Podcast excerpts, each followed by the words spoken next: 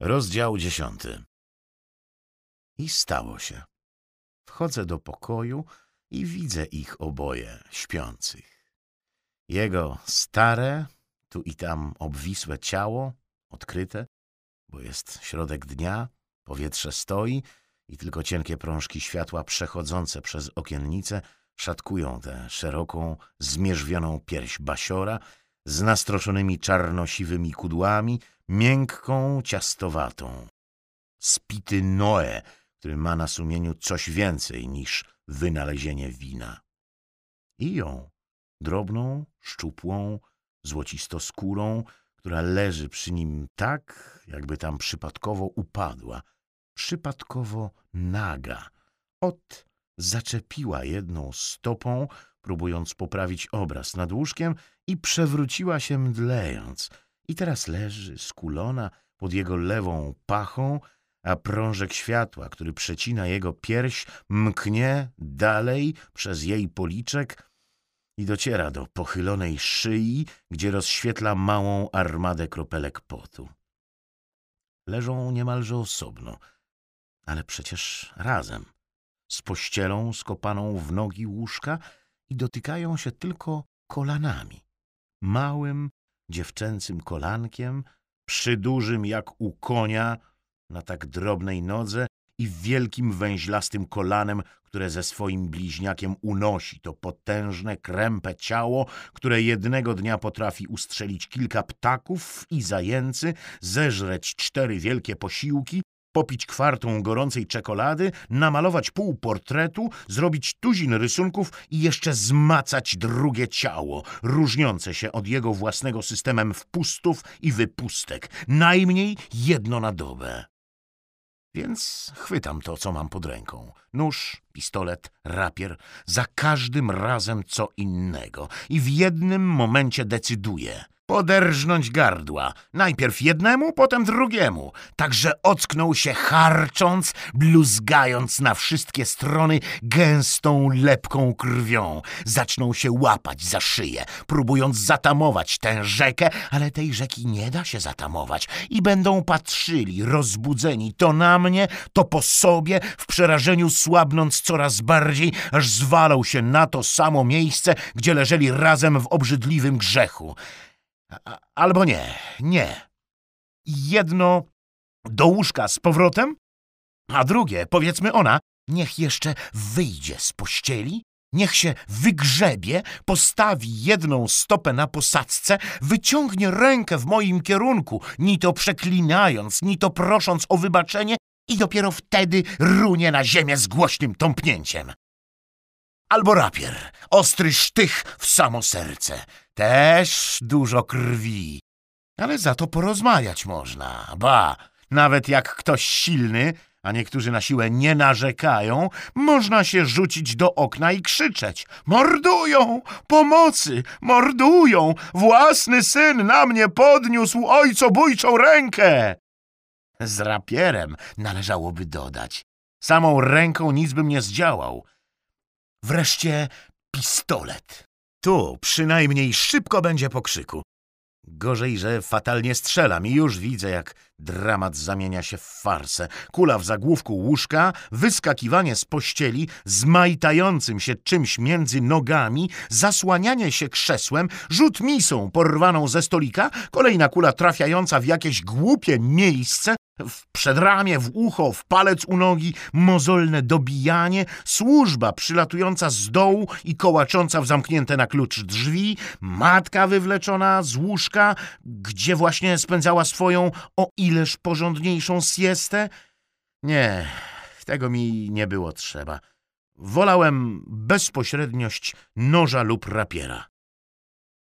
Wyobrażałem to sobie setki razy jedząc razem z nimi śniadanie i kolację, podczas mszy w kościele, w trakcie kazania, przerywając tylko na podniesienie, na pikniku, kiedy widziałem, jak stary rozdziera kciukami pomarańcze, podaje po połówce matce i gumersindzie i w tym samym momencie, jak zbryzguje fontannami krwi sztalugę stojącą przy łóżku.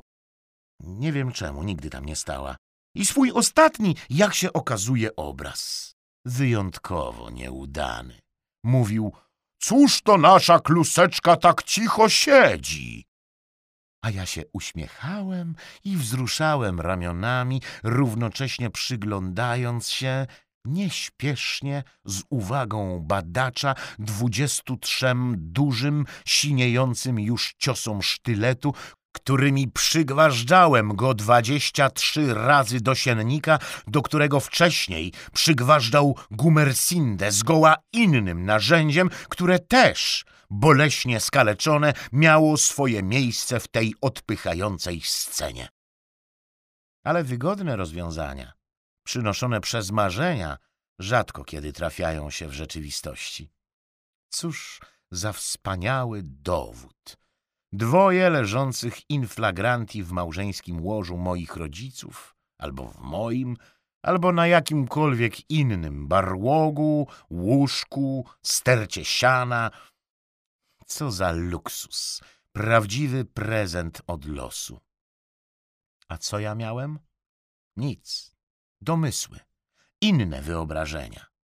Skąpo oświetlone sceny na ciemnych tłach, gdzie ledwo widoczna młoda, drobniutka kobieta, której rudawe włosy widać w mroku tylko dzięki złotawym błyskom, kłębi się w fałdach grafitowych prześcieradeł, biel w nocy przybiera barwę grafitu lub matowego bazaltu, z ciałem dużym i białawym, porośniętym dziką szczecią.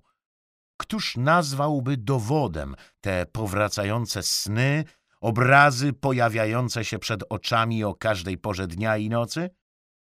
Jeśli miałem się ich pozbyć, to tylko wyobrażając sobie coś innego, silniejszego, krwawą łaźnię w sypialni, wbijanie i wyjmowanie rapiera z ciała, z obu ciał wycieranie noża rąbkiem prześcieradła.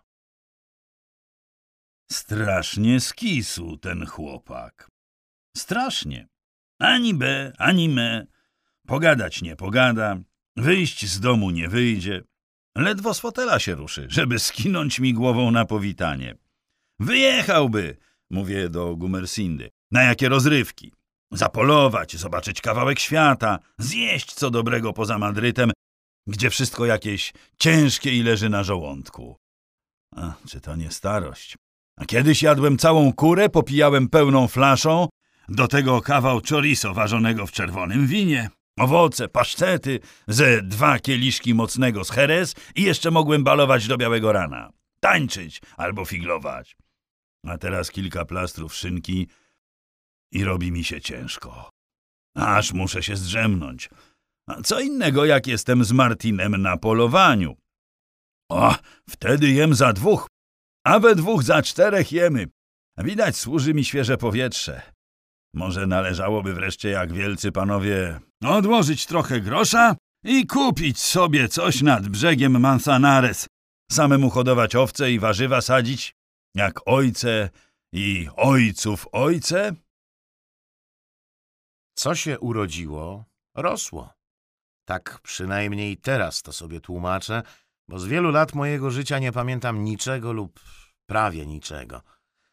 Wiem, że Mariano był mały, ale nie pamiętam ani jego płaczu, ani twarzy. Tylko długie, puste dni, które przemijały mi na niczym. Stawałem, ubierałem się w stroje przygotowane przez służącą, bo gdybym miał je sam wybrać, przez cały dzień nie zdołałbym podjąć tylu decyzji. Jadłem, bez apetytu, ale i bez przykrości, tak jakbym się mył albo wkładał buty. Ot, kolejna rzecz w ciągu dnia, którą trzeba przepisać z kolumny do zrobienia do kolumny zrobione. Gumersindę widywałem i widziałem, jak się zmienia, wolniej niż dziecko. Tak, ciekawe, że pamiętam prędkość, z jaką przepoczwarzało się z noworodka w niemowlę, z niemowlęcia w berbecia, z berbecia w chłopczyka i tak dalej, ale nie pamiętam jego kolejnych twarzy.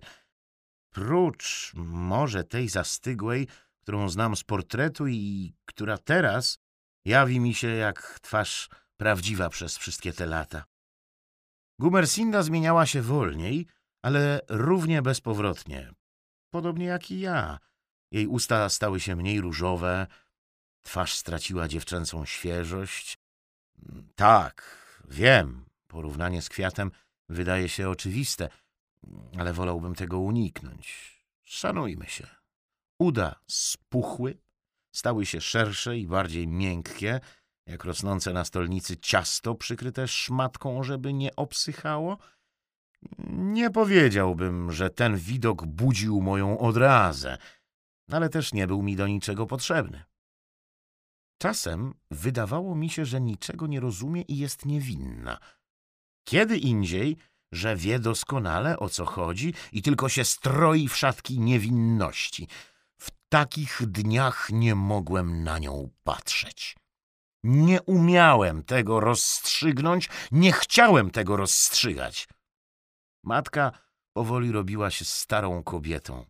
Powtarzała te same plotki powielokroć, z większym niż kiedyś wysiłkiem wchodziła po schodach.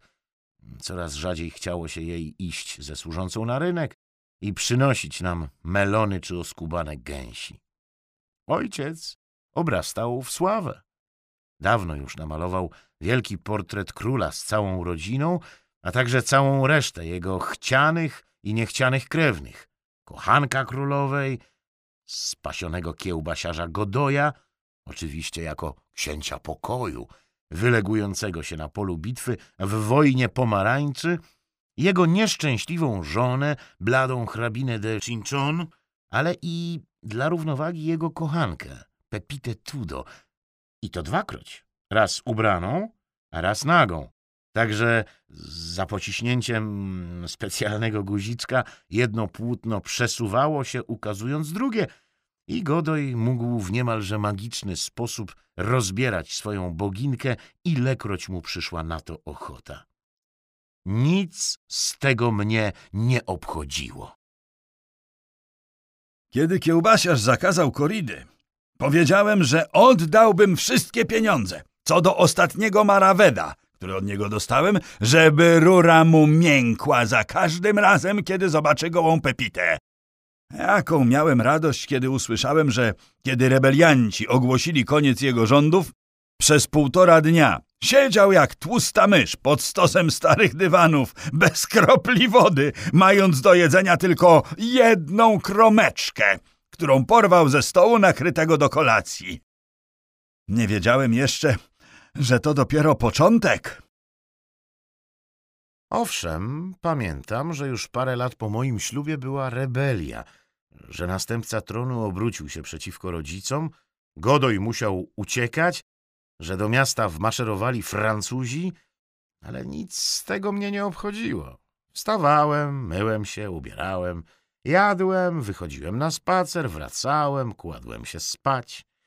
Moje prawdziwe życie przeniosło się całkowicie do książek.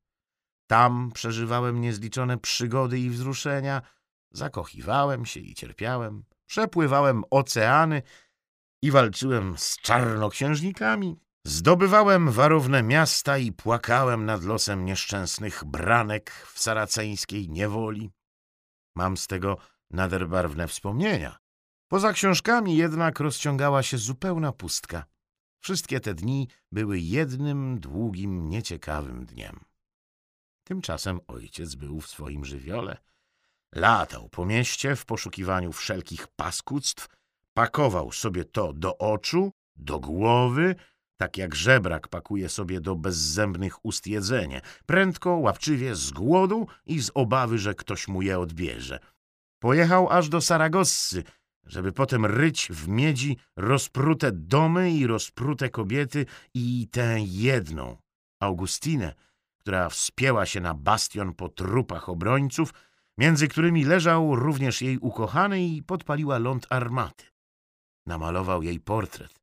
Francuzi i Polacy pocięli go szablami, kiedy weszli do miasta razem z innymi obrazami, które znaleźli w kwaterze generała Palafoxa.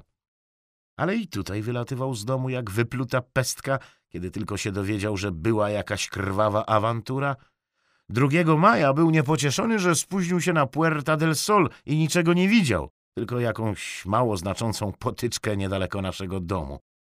Ale już trzeciego w nocy poleciał z latarnią, zakutany w opończe, na miejsce rozstrzelań i rysował trupy, że tak powiem, na żywo. Od razu, jeszcze ciepłe.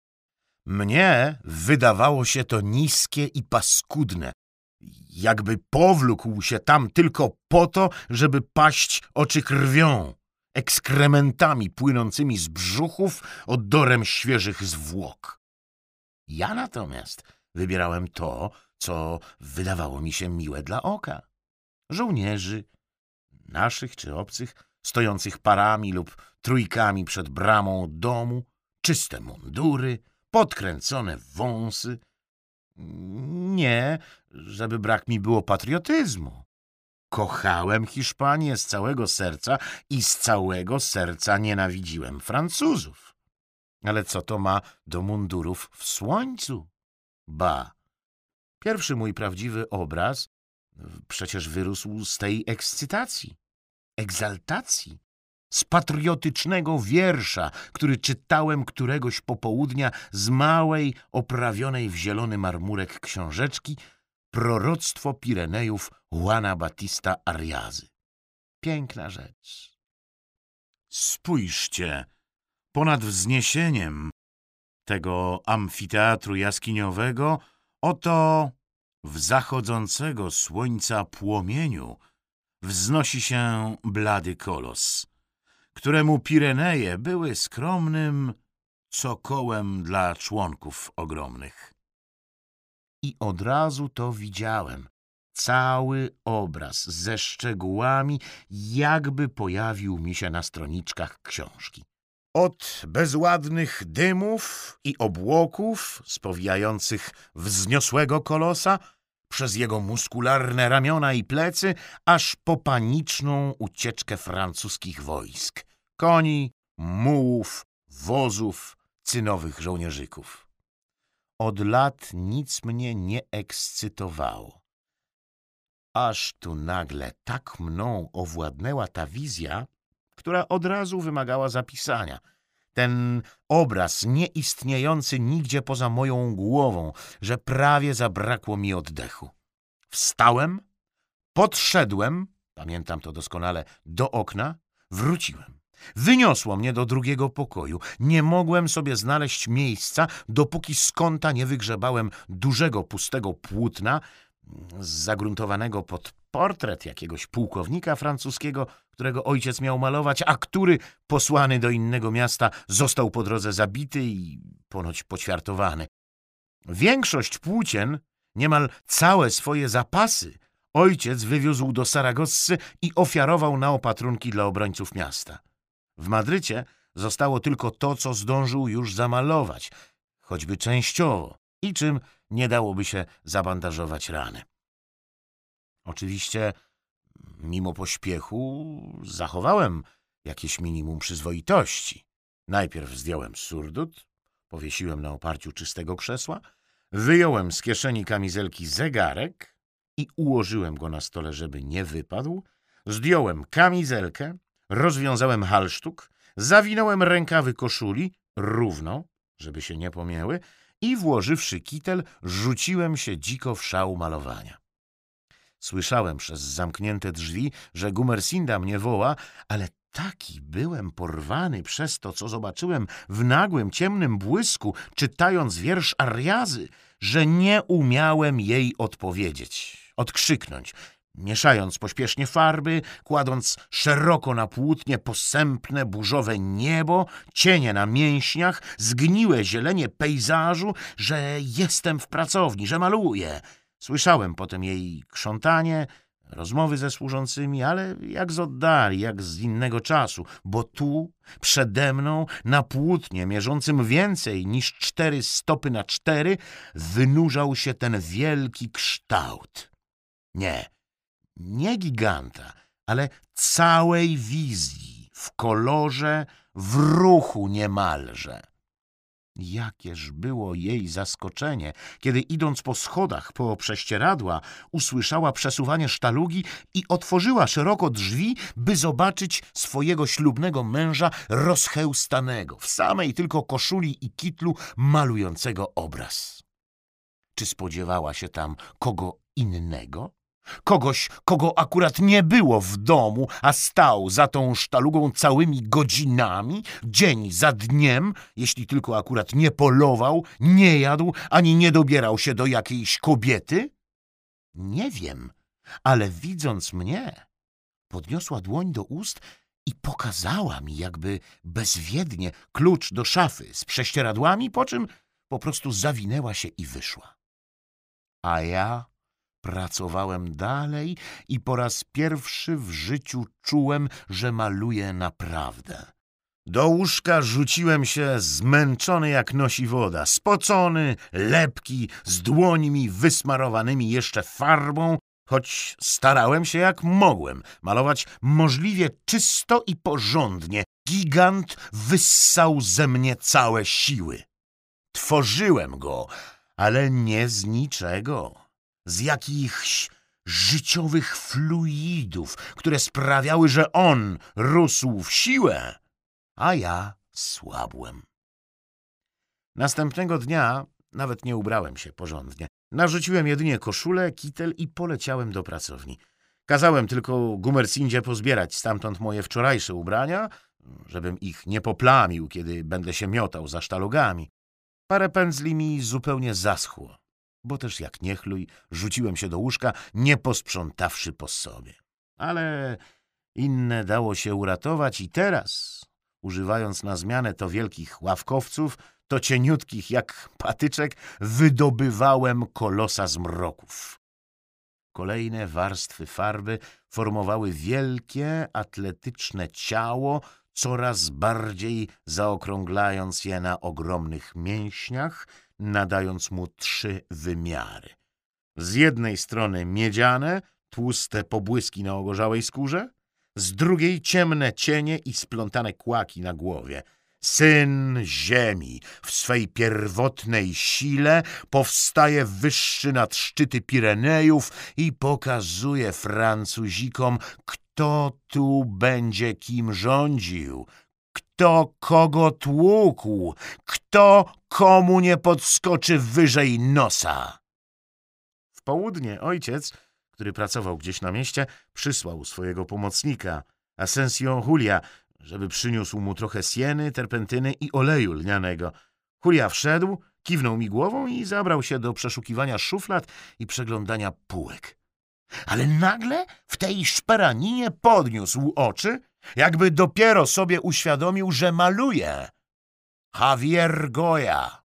Pośmiewisko wszystkich. Malarz który nie namalował ani jednego obrazu, stoi przy sztalugach w kitlu i na płótnie cztery stopy na cztery z kawałkiem nie tyle nawet maluje, co odkuwa ogromny pomnik. Stwarza giganta, który wywołuje wśród wielkiej armii taki popłoch, że nie musi się nawet odwracać wielką twarzą ku tym cynowym żołnierzykom. Nie musi ich zmiatać żelazną ręką ani zdmuchiwać.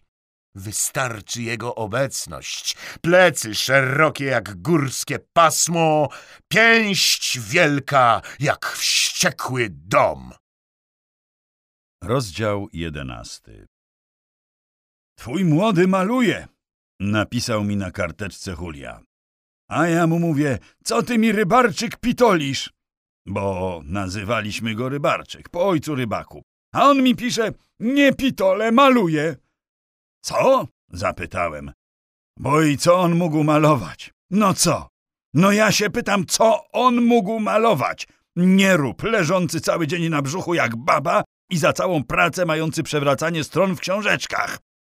Idź, zobacz, napisał Julia.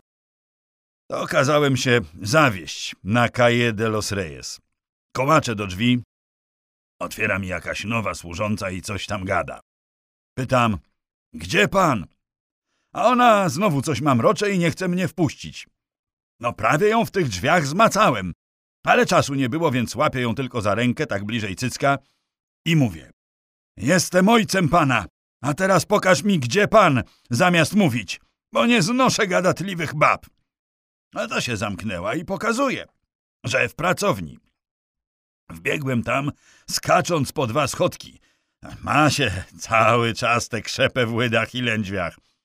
Wchodzę i rzeczywiście. Stoi skurczybyk przy sztalugach. Drgnął. Widziałem, ale udaje, że mnie nie zauważył, że taki niby skupiony. Dobra, niech i tak będzie. Zakradam się niby z boku i rzeczywiście skurczysyn. Maluję. Kończę już. A trochę taka moja podróba. Kolory ujdą. Konie straszne, ale niech tam. Nigdy nie miał ręki do zwierząt. Ja po prawdzie też nie miałem. Mogłem machnąć każdy portret. Ale na myśl o portrecie konnym aż się pociłem. Gdyby król kazał mi namalować całą rodzinę konno, to by mnie chyba szlak trafił.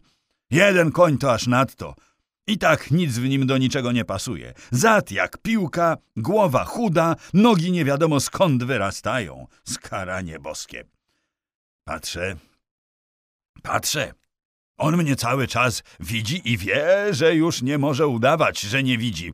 Więc pokazuje, że widzi jednak. Że zaskoczony niby. I gestami pokazuje.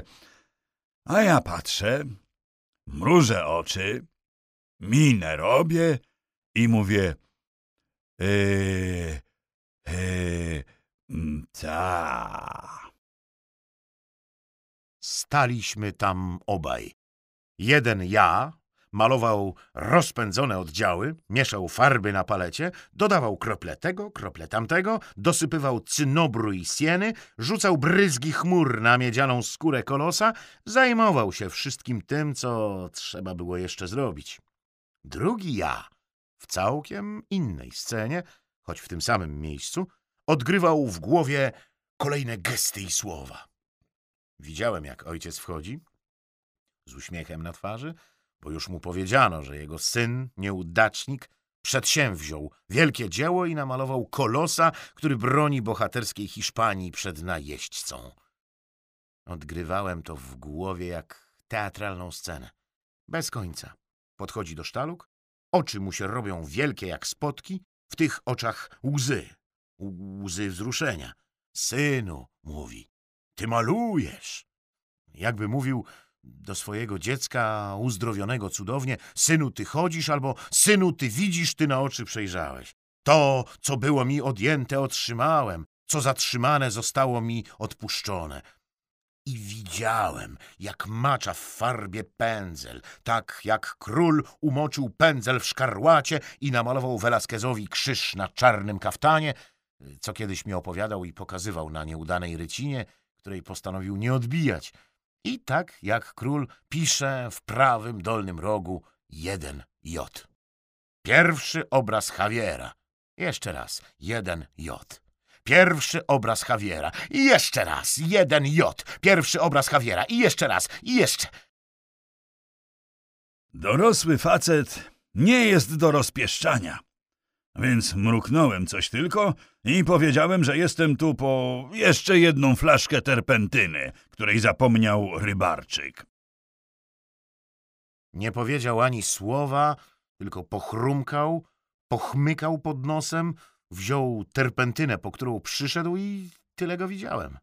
Ze schodów dobiegło jeszcze tylko jego gromkie do zobaczenia, gumciu, bo musieli się minąć i potem terkot powozu za oknem. Pojechał malować swoje wielkie dzieła, swoje słynne obrazy. Wychodząc, spotkałem na schodach Gumersindę. Jakąś taką spłoszoną, z kukuryku na głowie, Pochyliłem się do niej, aż kosmyk włosów połaskotał mnie po nosie i powiedziałem, że wrócę późną nocą, kiedy Javier się kimnie, żeby koniecznie czekała i mnie wpuściła. Człowiek w moim wieku nie może stać długo przed drzwiami w środku zimnej nocy. Czekała, wpuściła. Javier rzucił się na łóżko zaraz po tym, jak ojciec wyszedł, napisała. Boję się, czy on nie chory, w gorączce, oczy mu się palą. Uśmiechnąłem się i mówię jej, dziewczyno, e, dziewczyno, to normalne, poślubiłaś artystę. A w artyście diabeł pali i w starym, i w młodym. Nawet jeśli z wyglądu jest nieco tego y, okląchły. Wziąłem dwa duże kandelabry ze stołowego, zapaliłem świecę, zamknąłem się w pracowni i kazałem nie przeszkadzać. Chyba, że młody by się obudził. Rozejrzałem się, gdzie w razie czego dać nura, ustawiłem kandelabry przy samej sztaludze i patrzyłem. Ech, skurczysyn! Się chował, że niby nic, że gładziutko, ładniusio, jak u biskupa na obiedzie. A tu pazury pokazał. Twarz, nos y, niezbyt, ale włosy, te przetłuszczone patły, znakomite. Pięść ma jakby za wiele kostek. Zaokrągła jest, ale łokieć znakomity. O konie wiadomo, choć niektóre jeszcze ujdą, ujdą z życiem. Ale odwaga tego ciemnego trójkąta w prawym dolnym rogu, jego kontrast z małymi postaciami. Świetny. Gorsze te drzewka dalej, a trochę jak pieczarki. No i chmury, dymy armatnie, przez które widać to błyszczące, muskularne ciało. Musiał mieć pod ręką jakąś rycinę z Herkulesem Farneze. Nie, no te przebicia są znakomite. Znakomite. E, tak nic nie widać. Zacząłem wyjmować świecę z kandelabru i mocować za wstążką kapelusza. No proszę. Podoba mi się, że stoi tyłem. Nie wiadomo, co to takiego siła, ale i cierpienie jakieś. Ten moment, kiedy mocarz napina się, jak oślepiony Samson, któremu odrosły włosy i zemści się zaraz na wrogach tych fili coś tam. To mi się podoba. To jest coś. A ta potężna smuga, cień między chmurami idąca od ramienia do krawędzi? Żadnego wylizywania, żadnego memłania. Prawdziwe męskie malarstwo. Te zwierzęta trochę w grzędach zarówno. Ale w całości? Fiu, fiu. Jeszcze będziemy razem malować plafony w Eskorialu. Tylko ten czarny koń z lewej. A to już naprawdę... Zaraz. Sięgnąłem po paletę, rozrobiłem trochę ugru, trochę ciemnego granatu, trochę czerni kostnej i poprawiłem mu ten dziwny garb. No. I jeszcze trochę. Następnego dnia spałem do późna. Kiedy otworzyłem oczy, zobaczyłem nad sobą Gumersindę, pochyloną, zatrwożoną, z takim wyrazem twarzy, jakby miała zaraz zostać wdową, która prowadza czarno odziane dziecko na grób ojca. No co? spytałem. A ona jakby się ocknęła, zasznurowała tylko usta, podniosła się i powiedziała — Co? Nic. Południe już dawno, a ty w łóżku się przewracasz. Dzień Boży marnujesz. Obróciła się, szurnęła suknią i wyszła z alkowy, trzaskając drzwiami. Przez ostatnie dni zrywałem się o świcie, kiedy tylko było światło do malowania, jakbym wyczuwał to przez skórę, jakby zamieszkał we mnie kogut piejący o świcie. Javier! Javier! Ciągnący mnie do sztaluk jak kukłę zziębniętego z ledwie czym zarzuconym na gołe ciało. Od razu do naczyń z pędzlami, z olejem, z terpentyną, mieszać farby, odchodzić od płótna, podchodzić z powrotem. A tu nic. Ubrałem się porządnie i już w surducie poszedłem do pracowni. Obraz jak obraz. Nic specjalnego. Przyjrzałem się tylko czarnemu koniowi w lewym rogu. Jak ja mogłem coś takiego puścić? Zawinąłem tylko rękawy i ostrożnie, żeby nie kapnąć farbą na ubranie, poprawiłem konia, dziwnie płaskiego. No, i jeszcze trochę. Owszem, odstawiłem obraz na czas jakiś, żeby do głębi wysechł. Przychodziłem tam czasem, żeby popatrzeć, czy im pasty nie pękają. Kiedy przyszedł odpowiedni czas, dopytałem jeszcze Asensja, zawerniksowałem i stał tak na sztalugach, nie wiadomo po co, jak wyrzut. Nawet jeśli chodziłem z piętra na piętro, grałem wieczorem w karty, bawiłem się z dzieckiem, wiedziałem, że stoi tam z całą swoją utajoną siłą w gigantycznych mięśniach, która jednak okazała się niewystarczająca. W końcu, nie mogąc żyć z nim pod jednym dachem, kazałem go opakować i posłałem ojcu na ulicę Valverde. Wróciwszy, posłaniec powiedział — Kazał wielmożnego pana pozdrowić. Pozdrowić? Nie kpijmy sobie. Ojciec? Że niby malował? Coś z dzieciństwa pamiętam. Mm. Musiałem mieć dosłownie parę lat. Poszliśmy do dziadków i e, pod warunkiem, że niczego nie będę dotykał, pozwolono mi wejść do pracowni i zobaczyć, jak dziadek mnie namalował. Wcale niczego dotykać nie zamierzałem.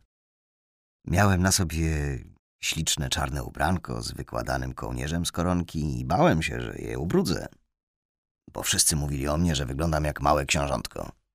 I bałem się, że jeśli rozerwę nogawkę albo dotknę czegoś brudnego, a tam wszystko było brudne, przestaną tak mówić.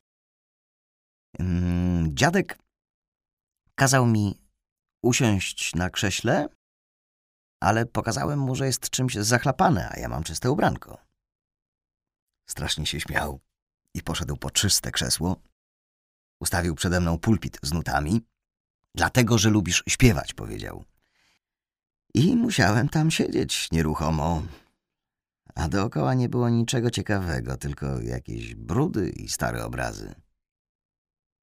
Jeden z gołym panem. Mm, ale bałem się pytać dziadka, co to za obraz. Zresztą nie umiałbym mu tego pokazać. Dopiero kiedy babcia przyszła z czekoladą, dziadkową filiżance, moją w prostym kubku, żebym nie stłukł, E, zapytałem ją, co to za obraz. A ona powiedziała mi jakimś takim ciepłym głosem, że to tatuś namalował, bo tatuś też jest malarzem. Strasznie mnie to zdziwiło. Ale y, zaraz zobaczyłem portret, na którym miałem na głowie kapelusz, który został w sieni i którego wcale nie miałem na głowie. Tak się nie robi, powiedziałem. To oszukaństwo. I wyszedłem. A wszyscy się z tego bardzo śmieli. I cmokali, że taki jestem podobny do tego innego Mariano. Do Mariano w fałszywym kapeluszu. Rozdział dwunasty. Trzy Mojry. Szeroko, szeroko rozlewa się życie. Płynie, mleczne od księżycowej pełni, między porośniętymi lasem pagórkami i zdaje się bezkresne, swobodne, wiosną wylewające szeroko, jesienią zmierzające prędko ku delcie różnorakich zakończeń. Ale ten szum, ten cichy szum, to nie szum wody, ani szum liści w rosłych pióropuszach gałęzi, to wartkie przesuwanie się wiotkiej, żywej nitki, skręcającej się nieco jak drżdżownica jak żyła tętniącej krwią, przesuwanie się w prastarych palcach, zrogowaciałych po brzegach i wyślizganych tam, gdzie przepływają kolejne nici. Niepowstrzymanie.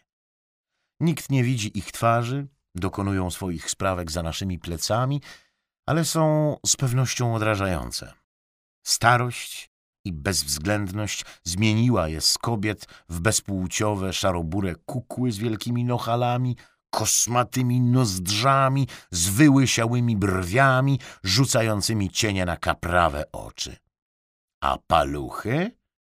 Patrzcie na te paluchy, gruźlaste, grube, chłopskie, do kopania ziemi i rozrzucania gnoju, a nie do zajmowania się subtelnymi pracami ręcznymi, wysnuwania, odmierzania i ucinania ludzkiego życia. O, w jakie ręce trafiłaś, duszyczko! Uwalane, gruboskórne, Siedzisz ze związanymi za plecami i dłońmi, owinięta jakąś szmatą, możesz pomajtać tylko lewą stopą, mrugnąć powieką. Niewiele, bo i tyle znaczy twoja wola. Nie żeglarzem jesteś, ale kawałkiem korka niesionym tam, gdzie zechce fala. Karmiono cię głupotami o wiedźmach zamawiających choroby, ważących mleko w krowich wymionach, znoszących jaja pokryte kabalistycznymi znakami. O wiedźmach unoszących się wysoko ponad światem bogobojnych, pochylonych nad ziemią ludzi, o wiedźmach smarujących się sadłem z wisielca i dosiadających ożogów czy wideł, ale nie ma gorszych, nie ma innych wiedźm niż te. Kloto Lachesis atropos. Jedna trzyma w łapsku motek owinięty wokół małej figurki.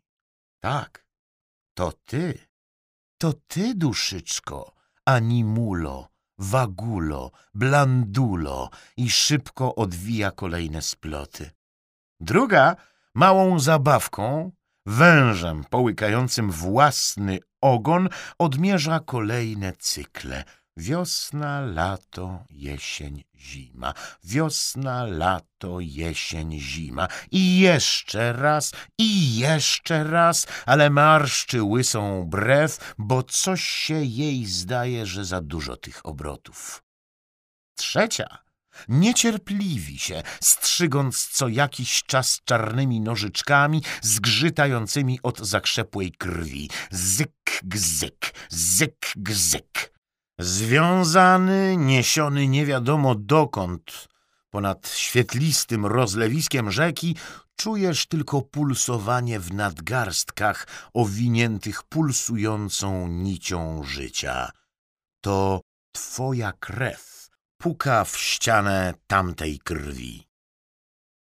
Rozdział trzynasty Nie jestem na nic chory, mówiłem po raz kolejny. Po prostu chcę spać i odpoczywać. A Gumersinda wzywała kolejnych lekarzy, którzy badali mnie, kiwając głową, zadawali głupie pytania ze zbolałymi minami, wąchali mocz i patrzyli nań pod światło, mierzyli tętno, przystawiali pijawki, kazali łykać zioła, ale ja nie byłem chory. Po prostu w dwudziestym piątym roku życia poczułem, że nie jestem wcale człowiekiem, tylko drewnianą marionetką, a nitki przywiązane do moich ramion, łokci, dłoni, kolan i stóp, do moich powiek i warg zostały odcięte i leżą na podłodze jak długie, martwe pasma włosów. Marionetki z odciętymi nitkami są bezużyteczne. Zamyka się je w skrzynkach i zakopuje a przynajmniej odkłada na półkę, gdzie mogą w spokoju leżeć, nie niepokojone przez marionetki ubrane w czarne stroje lekarzy, przez jedną, szczególnie namolną marionetkę w damskiej sukni i przez nieco poobijaną figurkę starego dzika, która zakrada się do domu i węszy w poszukiwaniu tego, co najbardziej lubi, swoich przysmaków, swoich trufli, gnicia, śmierci, choroby. Matka też do mnie przychodziła, ale nie mówiła do mnie prawie nic. Ona rozumiała. Ona była zakopana przez całe swoje życie, jak samica kreta, ryjąca korytarze w tłustej ziemi, rodząca i roniąca kolejne małe, grzebiąca je, kiedy tylko wystygły, szukająca najlepszych korzonków dla swojego męża zapładniacza. Stawiałem ją sobie za przykład. Nakrywałem głowę poduszką, obracałem się do ściany i mówiłem sobie patrz, spędzić trzydzieści pięć lat jak fasola przygnieciona kamieniem, wypuszczająca tylko białe pędy, szukające po omacku światła i powietrza, być panią, żoną bogacza, a spędzić trzydzieści pięć lat jak służąca, dogadzająca panu we wszystkim, naprawdę we wszystkim, a mimo to zawsze mniej ważna niż walka byków, niż sajnetes, niż jakiś przyjaciel ze szkoły, z którym wymienia niezliczone listy, niż modelki, niż strojne panie, niż obrazy, niż cała reszta świata. Co było mniej ważne od niej? Szczur, który przebiegł przez podwórze? Liść? Rozlana woda? Kłak kociej sierści? Siadała na moim łóżku i patrzyła na mnie w milczeniu. Odwracałem się od ściany, powoli. Marionetka z odciętymi nitkami niczego nie robi szybko. Nie ma na to siły. Poduszkę, którą przedtem zasłaniałem twarz, podkładałem pod głowę. Otwierałem szeroko oczy i patrzyłem w jej oczy. I było tak, jakbyśmy przesypywali czarną ziemię z oczodołów do oczodołów, z kamykami, larwami chrząszczy, korzonkami, z lepkimi grudkami gliny i spęczniałymi nasionami traw, z oczu do oczu, bez słowa, bez końca. Tata był chory. Nie tak jak dziadek, który niczego nie słyszał i trzeba było prosić mamę, żeby napisała mu na kartce to, co chciałem mu powiedzieć. Ani jak babcia, kiedy zostawała w swoim pokoju, do którego nie pozwalała wchodzić nikomu poza służącą z ziółkami. Ani jak ja, kiedy musiałem zostać w domu, leżeć kamieniem w łóżku i pić sok z bzu na siódme poty. Jego ciało było zdrowe. Nie gotowało się od gorączki.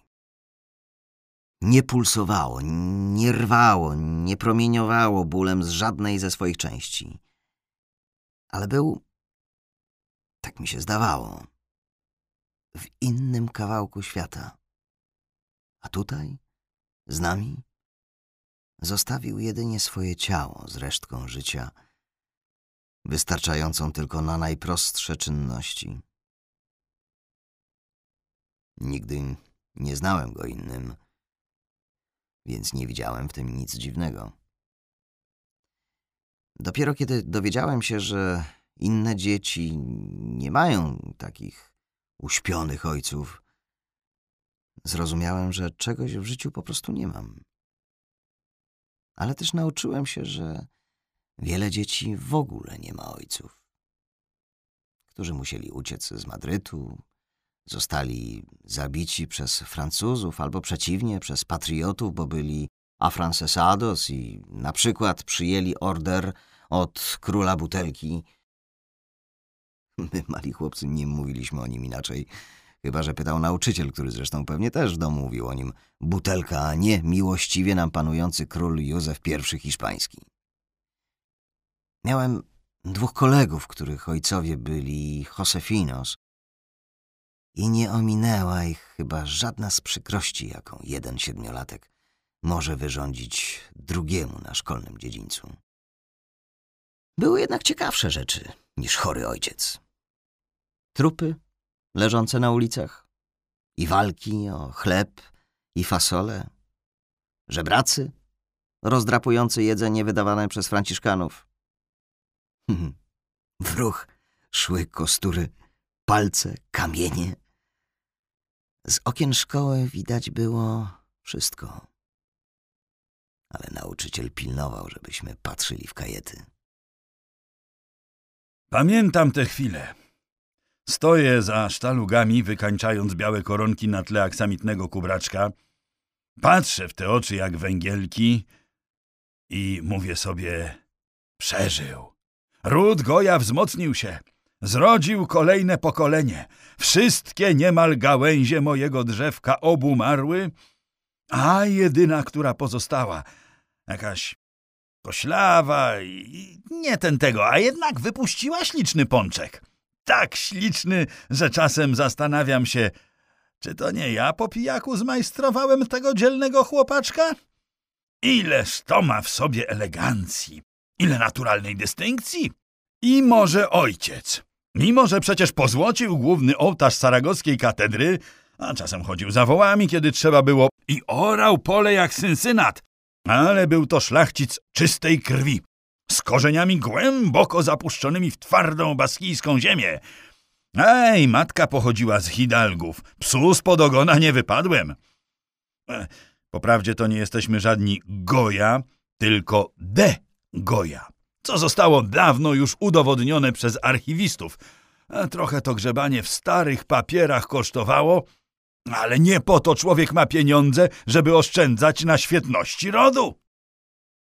Przyniósł do domu jakieś dokumenty, wypisy, wykresy. Prawie przysnąłem nad moją czekoladą. Jak przez mgłę przypominałem sobie, że pokazywał mi to, kiedy jeszcze nie sięgałem głową stołu. Rzuciłem okiem. Napisałem mu. Pamiętasz ten kaprys z osłem? Który? Udał, że nie wie o co chodzi. Dużo ich było z osłami. Osioł w surducie. W przednich kopytach książka, w której wyrysowano jego przodków. Same osły. Z dziada pradziada, taki był chyba tytuł. Gówno wiesz, odpowiedział i zebrał papiery. Gówno wiesz. Cud prawdziwy, że mi się syn tak wyrodził. Dziadek mówi, że jestem Mariano de Goya i mam chodzić z podniesioną głową. Mówi, że nawet kiedy pochyli się głowę, bo patrzy się na mysz albo jaszczurkę, można ją mieć cały czas podniesioną. Tak, w środku. Może gdybym musiał wstawać z łóżka i ubierać się, żeby Mariano i Gumersinda nie umarli z głodu, jak tylu ludzi w Madrycie i całej Hiszpanii, co rano zbieranych z ulic, sieni i własnych łóżek, wrzucanych na dwukółki, a z dwukółek wsypywanych do zbiorowych grobów, wstawałbym, wkładał koszulę i spodnie, buty i surdut i szedł do jakiejś pracy. Ale nie musiałem. Nawet leżąc do góry brzuchem, miałem ze spadku poksiężnej, z renty królewskiej za niesprzedane zestawy i płyty kaprysów i z comiesięcznych dodatków od ojca tyle, że mogliśmy prowadzić dom niemal na takiej stopie jak przed wojną. Nawet w czasie największego głodu nie ma tak, żeby ktoś nie chciał sprzedać swojego kawałka chleba, ostatniego buraka, worka grochu. Stać nas nawet było, żeby nająć do pomocy przy Marianicie kuzynkę Gumersindy, którą mąż Isidro Weiss, spasiony żydowski jubiler, oddalił za niemoralne prowadzenie. Któregoś dnia przeszło mi przez głowę, że może to by mnie uleczyło.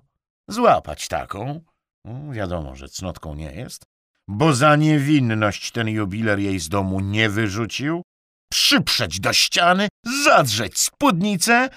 Wyobraziłem to sobie dokładnie, a potem leżałem w łóżku i zastanawiałem się, co we mnie wstąpiło. Ten sam zły duch, który siedzi w starym? Widziałem ją potem niemal codziennie, jak chodziła po domu, gryząc jabłka z małym chłopcem na ręku. Starszy został przy ojcu, młodszy był spłodzony pewnie w cudzym łóżku. Na samą myśl, że mógłbym ją tknąć, robiło mi się nieprzyjemnie. Biedna, zahukana kobieta, która nie miałaby czym nakarmić małego, gdyby Gumersinda nie uległa namowom moich rodziców i nie ulitowała się nad nią. Ale wszystko to działo się jakby za drzwiami, w innym pokoju, w którym istniała cała reszta świata. Prześlizgiwałem się po powierzchni życia, po powierzchni wojny, jak po zamarzniętym stawie, mijając kolejne dni prędko i bez zbędnego wysiłku. Bycie mną było wystarczająco męczące, żeby jeszcze zajmować się czymkolwiek innym. Kiedy było mi nieco lepiej, patrzyłem.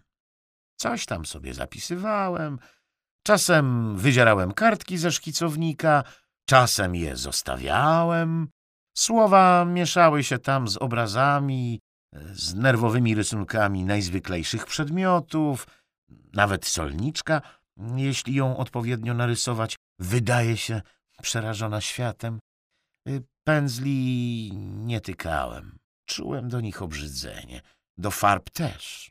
Brzydziły mnie, jak skrzepła krew, jak rozrzucone piszczele, odcięte palce. Za to stary osioł kwitł i malował nieprzerwanie. Malarz nie jest od tego, żeby obierać króla, rozdzielać majątki, sprawować władzę, kierować wojskami. Władza jego jest niepozorna i ogranicza się do kilku łokci pobielonego płótna, na którym maluje potężniejszych od siebie. Czarownice i generałów, szatanów i możnych, w których rękach jest powolną zabawką. Jedni mogą go wtrącić do więzienia, zamknąć w kolczastym wnętrzu żelaznej dziewicy, osądzić i spalić. Inni zadusić pokusami, zesłać najpaskudniejsze choroby, odebrać chęć do życia, siłę wyssać z lędźwi, zdławić dzieciątko w łonie żony, odwrócić dobrą kartę. Śmiejcie się z lochów inkwizycji, z krzyczących generałów, z gadek starych bab o czarownicach. Ale nie zdziwcie się, kiedy ten śmiech zaprowadzi was w zdradliwe rewiry. Lepiej już palić książętom świeczkę i wiedźmom ogarek, a od czasu do czasu, dla spokoju sumienia, obsmarować władzę i czary w chytry sposób. Tak, żeby złe się nie dowiedziało, o co chodzi. Malował starego króla rogacza, jego rozpustną krogulczą żonę i Godoja, rozpartego na kamieniach obżartego kiełbasiarza? Malował. A nowego króla Ferdynanda, który rozpędził całe to towarzystwo i siadł na tronie, malował? A bo to raz? Pojechał do Saragossy, oddał płótna na szarpie, sportretował bohaterskiego obrońcę Palafoksa? Pojechał, oddał, sportretował. Ale order od francuskiego królika przyjął. Po czym 3 maja nocą podyrdał na wzgórze, żeby poszkicować jeszcze ciepłe trupy rozstrzelanych, bo może mu się to przydać. I przydało się. Kiedy zamówiono potem u niego cztery obrazy o powstaniu, rysunki były jak znalazł. Wellingtona też namalował, jak Palafoxa, konno. Zresztą na mokrym jeszcze Bonapartem. I tylko to łączyło portrety starej królowej, angielskiego generała i księcia saragoskiego. Za każdym razem fatalny koń. Złote galony, szarfy, twarze, pierś pod muślinem, szyja o skubanej perliczki – wszystko to malował bezbłędnie. Ale wszystkie konie malował jak przyduże psy. Inny portret króla Butelki zamówił jakiś deputowany z Peru, który został rajcą madryckim. Ojciec trochę kręcił nosem, ale kiedy dowiedział się, że Bonaparte wyjeżdża z całym dworem do Andaluzji i nie pojawi się u niego w pracowni osobiście, to kazał sobie przynieść rycinę z portretem i odpicował go raz, dwa w medalionie, a pod medalionem i nad medalionem co kto chce. Anioły, sława dmąca w trąbę, zwycięstwo ze złotym wieńcem, dziewczyna w koronie, jako alegoria Madrytu z herbem na lśniącej tarczy, słowem cały ten szych i blichtr, który tak lubią wszyscy mali ludzie przyssani do sutka władzy. Ledwo jednak Wellington zajął Madryt, stary borsuk zaklajstrował Bonapartego i wypisał w medalionie Constitution. Pospieszył się, bo Bonaparte zaraz wrócił i trzeba go było ponownie wymalować. Miał fart, że znalazł gdzieś rycinę z portretem zagrzebano w stercie papierzysk do rozpalania w kominku. Nie minęło parę miesięcy, a Wellington stłukł francuskiego Piusa pod Witorią i stary kazał takiemu pyrtkowi z pracowni Dionisiowi zamalować Jozego i dać tam znowu konstytucjon. Ledwo Ferdynand wrócił do Hiszpanii i obalił konstytucję, trzeba było zakryć napis. Ostatnio był tam właśnie ropuchowaty Ferdynand, ale podobno znowu mają coś przerabiać. Rozdział czternasty Wydawało mi się, że słabnie. Głuchy był od dawna, ale powoli zaczął też tracić wzrok i mrużyć oczy, kiedy pochylał się nad miedzianą płytką i obserwował uważnie ruch rylca. Doktor Arieta dał mi do zrozumienia, że to już nie potrwa długo. Jakże się mylił. Gderał coraz częściej, właściwie nieprzerwanie. Nawet matka traciła do niego cierpliwość. Przychodziła do mnie, do narożnego pokoju, w którym przesiadywałem całymi dniami, ubrany albo rozchełstany w starym szlafroku i rozpoczynała swoją litanię narzekań na moje lenistwo, na chorobę, na życie w domu jak w klasztorze, ale równocześnie spod tego przebijały tony znużenia i niepewności. Nigdy nie zaatakowała ojca wprost, ale jego wybuchy złości jego niewierność i ciągłe pretensje do całego świata były wszystkim dobrze znane. Raz tylko usłyszałem od niej prawdziwą skargę. Przyszedłem na Calle Valverde, ojca nie było. Wyjechał na polowanie, a może malował gdzieś poza Madrytem, a ona drugi już dzień zarządzała wiosennymi porządkami. Yy, tak, to musiało być w trakcie wiosennych porządków, bo tylko wtedy Raz do roku ojciec godził się na posprzątanie pracowni, choć po powrocie i tak jeszcze przez parę dni słychać było jego gniewne postękiwania, bluzgi, wrzaski, kiedy nie mógł znaleźć jakiegoś pędzla albo rylca. Wprawdzie w tym bałaganie zawsze trudno było cokolwiek znaleźć, ale po porządkach miał kogo za to obwiniać. Staliśmy w korytarzu, przy drzwiach do pracowni, patrząc jak służąca wymiata ze środka kurz, grudki farb, strzępy szmat i biały pył unoszący się nad podłogą małymi obłoczkami. Wszystko przez to, mruknęła matka, przez ten biały pyłek. Spojrzałem na nią i zapytałem, co, jakie wszystko? A ona wygładziła fałdkę na rękawie i odpowiedziała, no wszystko pogrzeby małych, poronienia, twoja słabowitość i inne rzeczy, o których nawet nie chcę myśleć. Mój brat, a twój wuj, Francisco, dobrze się na tym znał. Był wprawdzie artystą, ale interesował się chemią, sprowadzał książki, nawet z Francji i tłumaczył mi to, zresztą twojemu ojcu też, pisał mu na karteczkach, bo wtedy już, no, to było po tym, jak przyjechał z Kadyksu, cudem wyleczony, ale głuchy. Tylko, że on sobie nic z tego nie robił. Biel, ołowiowa i cynober. Cynobru to tyle, co na lekarstwo. Ale biel, ile tej bieli szło, aroba za arobą. Ty pewnie już nie pamiętasz, jak ojciec pracował nad projektami tapiserii dla króla, to były wielkie płótna, szerokie na sześć łokci, na cztery, na pięć, rozmaicie. Trzech chłopaków najmowało się do rozciągania ich, przeklejania, gruntowania, szlifowania, drugiego gruntowania, drugiego szlifowania. Pył był wszędzie. W pokoju na półkach, we wnętrzach szuflad, w kuchni na rondlach i patelniach wiszących na ścianie, między talerzami stojącymi w kredensie, wszędzie, wszędzie.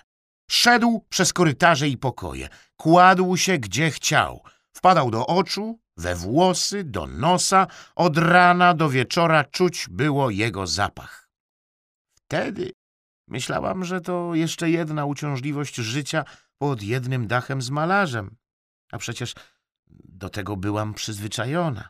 Kiedy się ma trzech braci malarzy, to można wytrzymać i męża. Dopiero później Paco mi powiedział, że to trucizna, że od tego umiera się na saturnizmu. Kazał mi wyrzucić wszystkie miedziane garnki, w których przetarła się cyna. Wieszać mokrą szmatę w drzwiach pracowni, ale gdzie twój ojciec zgodziłby się na mokrą szmatę w drzwiach? Masz ty pojęcie? Zresztą nie pracował już przy tapiseriach. Nudziły go te pogodne scenki z tańcami, parasolkami, gospodami. Takie wielkie płótna nie były już potrzebne. Mówiła to, jakby opowiadała mi o kłopotliwej służącej sprzed lat, albo o jakimś meblu, który skrzypiał pomimo napraw, drobnej niedogodności codziennego życia. I dopiero na końcu głos się jej załamał, kiedy powiedziała: Dom jest grobem kobiety. Ale czy musi być grobem prawie wszystkich jej dzieci? I chwyciła mnie za rękę. Mnie, jedynego, który przeżył szlifowanie płócien przez trzech najmowanych chłopców. Nie miałem nigdy życia próżnego ani pustego. Zawsze zarobiony jak dziki osioł. Nie miałem czasu na igraszki. Żadnych złudzeń. Życie to przykra lewatywa. A jednak dobiegając siedemdziesiątki zrozumiałem, że całe lata przepłynęły mi przez palce. Wszystko robiłem dla innych. Nigdy nie miałem czasu dla siebie, na własne radości. Jak wyjechałem gdzieś na polowanie, to zaraz musiałem wracać, żeby sportretować jakąś niedopchniętą hrabinę. Jak przyparłem dziewuchę do ściany, to zaraz trzeba było zabierać się do obrazu, bo dom kosztuje, szambelan nalega, a Pepa, nawet jeśli niczego nie mówi wprost, już czeka na sześć metrów altem basu na nową suknię. W krzyżu łupię, sikam po kropelce, ale stary pako z oślimi uszami bierze znowu wózek i ciągnie. Bo od zawsze ciągnął, od małego, od pyrtka. Jedna szkoła, druga szkoła, portrety, tapiserie. Kolor nie taki, kompozycja nie taka, suknia wyszła nie dość strojna, buźka nie dość ładna. Choć na żywo taka morda, że czuje się jak złodziej, okradający groby, który otworzył trumnę i patrzy na gnijącego trupa. Ale nic to. Maluję, przerabiam, gnę się w pokłonach i wyciągam rękę po dudki. A za lewym uchem jedna pijawka, za prawym druga, a kolejne tylko czekają, żeby się przyssać. Nic to. Stary pako jest wycięty z porządnej, dobrze wygarbowanej skóry. Jeszcze się nie przetarł. Ale starą skórą, żeby nie sparciała do reszty i nie rozpadła się w proch, trzeba się zajmować. Pastować ją trzeba, namaszczać. A nic nie robi jej tak dobrze, jak młody tłuszczyk.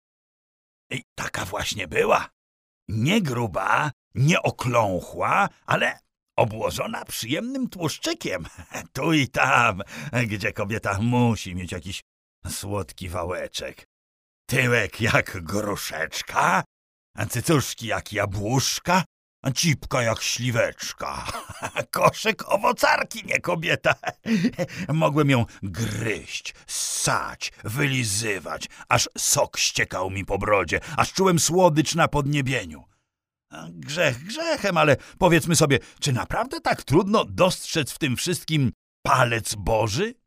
No jakie były szanse, żeby zmurszały pniak, z górą sześćdziesięcioletni, głuchy, jurny może, pies na baby, ale nie oszukujmy się, brzydki, bo też co może być ładnego w tym opuchniętym, fałdzistym ciele, w tej siwej szczeci na klacie, w tym coraz wyższym czole, coraz bardziej obwisłych ustach, a więc jakie były szanse, żeby stary pryk rozkochał w sobie śliczną, śliczną dziewczynę, młodziutką mężatkę, wyrzuconą z domu przez męża, który szlajając się od burdelu do burdelu przepuścił jej całkiem przyjemny posag, a teraz miał czelność robić wyrzuty za chwileczkę zapomnienia?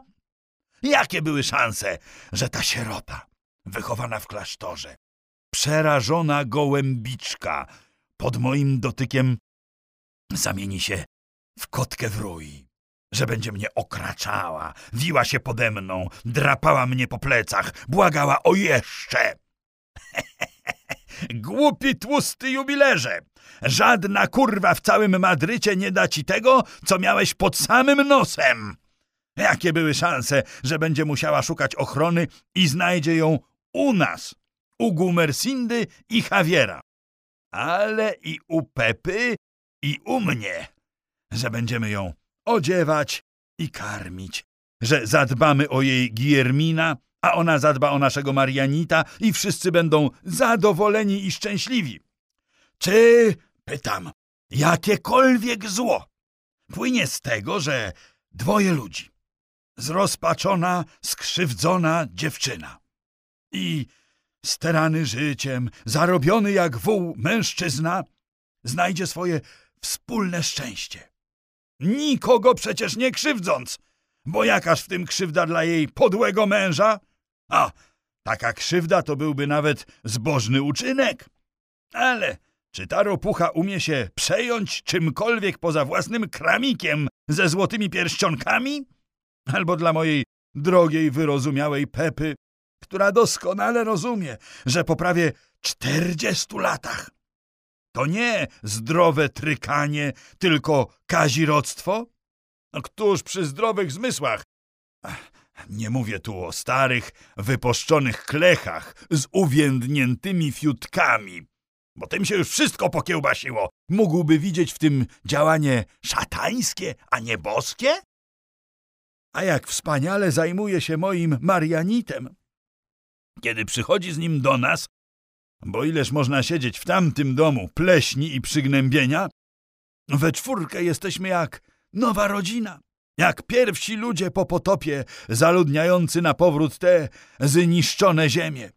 Jeden berbeć na ręku, drugi trzyma się jej spódnicy, ja maluję, ona własnoręcznie gotuje mi przysmaki, Pepa siedzi w swoim pokoju i nam się nie naprzekrza. Czy można sobie wyobrazić szczęśliwszą starość niż nowy początek życia? Mało co pamiętam, więc i to widzę jak przez mgłę. Zamazane, urwane sceny, pojedyncze rozmowy. Sam już nie wiem, co zauważyłem jako pierwsze. To, z jaką zazdrością i niechęcią Gumersinda zaczęła mówić o swojej kuzynce, równolatce, z którą spędziła w dzieciństwie tyle miłych chwil, która dotychczas ponoć znakomicie zajmowała się Marianitem, ekscytację ojca? To, że nagle prawie przestał do nas przychodzić, a jeśli już to tylko na pół godziny, najwyżej godzinę, z czego większość czasu spędzał z Leokadią, a potem zabierał ją na Calle de Valverde, bo jest mu tam bardzo potrzebna i z pewnością chętnie pomoże Pepie. A może to, że matka zrobiła się jeszcze cichsza, jeszcze bardziej szara, jeszcze mniej widoczna, że stała się cieniem samej siebie sprzed lat, silnej, płodnej, twardo stojącej na ziemi? Może wreszcie nową pewność, z jaką Leokadia, dotychczas zahukana i bojąca się własnego cienia, zaczęła się wypowiadać, pytana lub nie, na dowolny temat? Może pierwsze kłótnie, kiedy poczuła za sobą mocne oparcie, a może to, że ta drobna, acz przysadzista figurka, zwieńczona bujnymi, opadającymi na ramiona lokami, dotąd trzymająca się raczej kuchni i pokoju dziecięcego, zaczęła coraz częściej pojawiać się na pokojach, rozkładać się po sofach i fotelach, przybierać powabne pozy z małą książeczką rozkosznie ułożoną w dłoni, z palcem między stronicami, których nie czytała, i że można ją było zobaczyć raczej, kiedy się stroi, niż opiekującą się małym? Nie wiem, ale wiem, że to ona zabiła moją matkę. Tym wieku każdy powinien być przygotowany na to, co dobry Pan Bóg nam przeznaczył. Tak uważała Pepa. Wybrała sobie miejsce u świętego Marcina, spisaliśmy wspólny testament, została pochowana tak, jak sobie życzyła, w tercjarskim habicie, bez pompy. A zresztą kto myślałby o pompie w takich czasach? Zastanawiać się, ile świec i jakie ozdoby na katafalku, kiedy Wellington stoi u bram? Zamówiliśmy zgodnie z zapisem dwadzieścia mszy za zbawienie jej duszy, osobne pieniądze poszły na wykupienie więźniów i dzieła miłosierdzia w Ziemi Świętej. Jakby mnie kto pytał, wyrzucanie forsy w błoto. Ale niech tam już ma, skoro jej zależało. Parę dni później poszliśmy z Javierem do notariusza, don Lopeza de Salazara i podzieliliśmy majątek. Wszystko jak trzeba, z inwentarzami, każda para moich majtek zapisana w rejestrze. Niech i tak będzie. Pijawka wessała połowę, ale zadbałem o to, żeby udławił się rzeczami. Lichtarze, lustra, cynowa wanna, osiemnaście krzeseł. Takich, dwadzieścia osiem siakich, osiem podnóżków, tace, filiżanki, książki, wszystko, wszystko. Odżałowałem moje ryciny Rembrandta, Piraneziego. Mieszkałem z nim w Rzymie w jednym pokoju. Straszny brudas. Dwa Tipole, dwa Velasquezy, Correggio, a sporo moich rzeczy, w tym parę świetnych. Poleciłem też zapisać Kolosa, żeby wiedział, że cenię go nie mniej od własnych obrazów. Połasił się nawet na Albę. Trudno, ja wziąłem gotówkę. Czasy są niespokojne. Domu na Calle de Valverde do Sachwy nie schowam. A 140 627 reali? I owszem. A Purchawa niech sobie zostanie z tym wszystkim, na czym położył łapy. Niech patrzy, jak mu kolejne armie rozbijają szafy, wywlekają z szuflad ostatni srebrny nóż. Niech patrzy, jak mu srają na książki i siekają obrazy pałaszami. ja będę daleko z każdym z moich reali i z młodą, piękną kobietą u boku. Mama odeszła tak, jak żyła. Ustąpiła miejsca. Zamknęła za sobą wieko trumny tak, jak zamykała za sobą drzwi pokoju. Kiedy ojciec na nią wrzeszczał, że nie może się skupić na obrazie, kiedy ona tak mu chodzi po domu. Ale tym razem wzięła na nim odwet. Nie wiem, jak wymusiła na nim taki testament, czy powiedziała wprost, albo podpisujesz, albo jeszcze dziś wywalam z domu tę twoją lafiryndę, która dopóki żyje nie przekroczy progu żadnego z naszych domów, ani tu, ani na Calle de los Reyes. A może nie musiała? Może to było zrozumiałe samo przez się? Rób z nią co chcesz, ale nasze wspólne pieniądze trafią do naszego wspólnego syna, a nie do jakichś bękartów. Pamiętaj, że przyszedłeś prosić mnie o rękę goły jak święty turecki, że mój posag, nie taki znowu duży, przyprawił o zawrót głowy takiego prostaczka z fuende todos jak ty, mój pako. O, tu bez gadania, sama zamoczyłam ci pióro w inkauście. No już. A może po prostu, kiedy się na to godził, myślał tylko o gołym zadku w pościeli, a nie o tym, co naprawdę znaczy połowa majątku? Nie wiem. Zabrałem mu wszystko. Nawet nie drgnęła mi powieka. Dom, meble, bibliotekę, obrazy. Hm, miał mi czelność dać mojego własnego kolosa, jakby należał do niego. Ale mniejsza o to. Został z samą forsą, której i tak przecież nie wywiezie z miasta, bo skonfiskują mu ją na rogatkach. Więc nawet gdyby chciał uciec z Madrytu, to i tak będzie musiał zostawić prawie wszystko u mnie. Dał się zrobić jak dziecko. Im dłużej żyję, tym bardziej sobie cenię głuchotę. Jeśli nawet Leokadia o coś zacznie się pieklić, zawsze mogę zamknąć oczy i odciąć się od niej całkowicie. Niech tam sobie trzaska w kuchni garnkami, niech wrzeszczy, niech ciska czym chce. Ja pozostaję sam na sam, z moją artretyczną ręką, którą próbuję poprowadzić linię. Jedyną właściwą pośród niezliczonych niewłaściwych. Małe dzieci krzyczą. Pamiętam, jak mnie to doprowadzało do furii.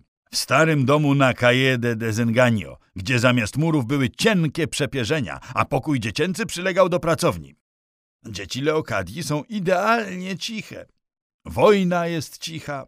Mogą kogoś zastrzelić tuż pod moimi drzwiami. Może z pogruchotanymi armatnią kulą nogami błagać o pomoc, rzęzić i wyć cały dzień i całą noc. Nie usłyszę ani strzału, ani przeciągłego ryku. Będę spał jak niemowlę. Jeśli oczywiście niemowlę miewa takie sny jak ja. Ale przed tym nie broni nawet głuchota. We śnie słyszę każdy trzask gałązki pod stopą wiedźmy skradającej się na sabat z koszem noworodków. Łopot papierowych skrzydeł człowieka nietoperza. Każdą nutę w ochrypłym wrzasku żołnierza nabijanego na kołek w płocie. Śmiech durnego olbrzyma. Od tego nie ma ucieczki. To ten kraj we mnie wyje. Gdyby ktoś mi powiedział, że tak się zachowam, wyśmiałbym go. Zwymyślał od idiotów, mówiłem sobie i owijałem się ciaśniej płaszczem, bo wiatr wiał okrutnie, niosąc ulicami piach, kawałki gruzu i smród wojny, nieumniejszone ani trochę przez stosy kwiatów, którymi witano Wellingtona a jednak szedłem. Mówiłem sobie, że kiedy rozbójnicy albo zabłąkani żołnierze z jakiegoś rozbitego regimentu już go wyciągną z powozu na bezdrożach, kiedy poderżną gardło Leokadii, dzieciom rozbiją głowy o piaste koła, a jego rozpłatają od brzucha po obojczyk i zostawią tak konającego, odchodząc z sakwami pełnymi reali, to będzie mi żal połowy spadku. Ale to nie o spadek chodziło. Chodziło o coś, czego nie umiałem sobie wyjaśnić. Szedłem więc, pogwizdując. I gwizdanie pomagało mi iść. Zawsze to powtarzam. Nie jest wymysłem karykaturzystów, że żandarmi są brzydcy i głupi. Ci, którzy pojawili się u nas w środku nocy, Wrzeszcząc, waląc kolbami w drzwi i stawiając wszystkich na równe nogi, akurat ja na to nie powinienem się uskarżać, bo obudziła mnie dopiero Leokadia, szarpiąca mnie najpierw za ramię, a potem, z braku reakcji, za ucho. Byli jak wzięci prosto z najgorszych karykatur. I to takich rysowanych niewprawną ręką. Partactwo rysunku, krzykliwa kolorystyka artysta prowincjonalny i to po kielichu. A co zrobić? Rzeczywiście, kufry były spakowane i gotowe do drogi. Rzeczywiście, nie mieliśmy pozwolenia na wyjazd z miasta. Ktoś na nas doniósł. Kto? Nie wiem. Służąca, praczka, mąż Leokadii, szpiclów jak psów. Do każdej nowej władzy latają na wyprzódki a w kieszeniach jeszcze im podzwaniają marawedy od poprzednich, którzy nakłaniali ucha na ich poszeptywanie. Rozdział 15 Pielgrzymi Rozległa jest ciemność, która przykryła świat, rozległa i gęsta. Idzie się przez nią mozolnie. Nogi grzęzną po kostki w zgniłej czerni, czerń wzburzona, Chlupoce, nasączone czernią chmury przesuwają się po ciemnym niebie jak zwały bibuły, ciężkiej od atramentu, którą osuszano listy z jak najgorszymi wiadomościami. A jednak idą, nieprzerwanie. Ich długi pochód nie ma żadnego początku, prowadzi zewsząd.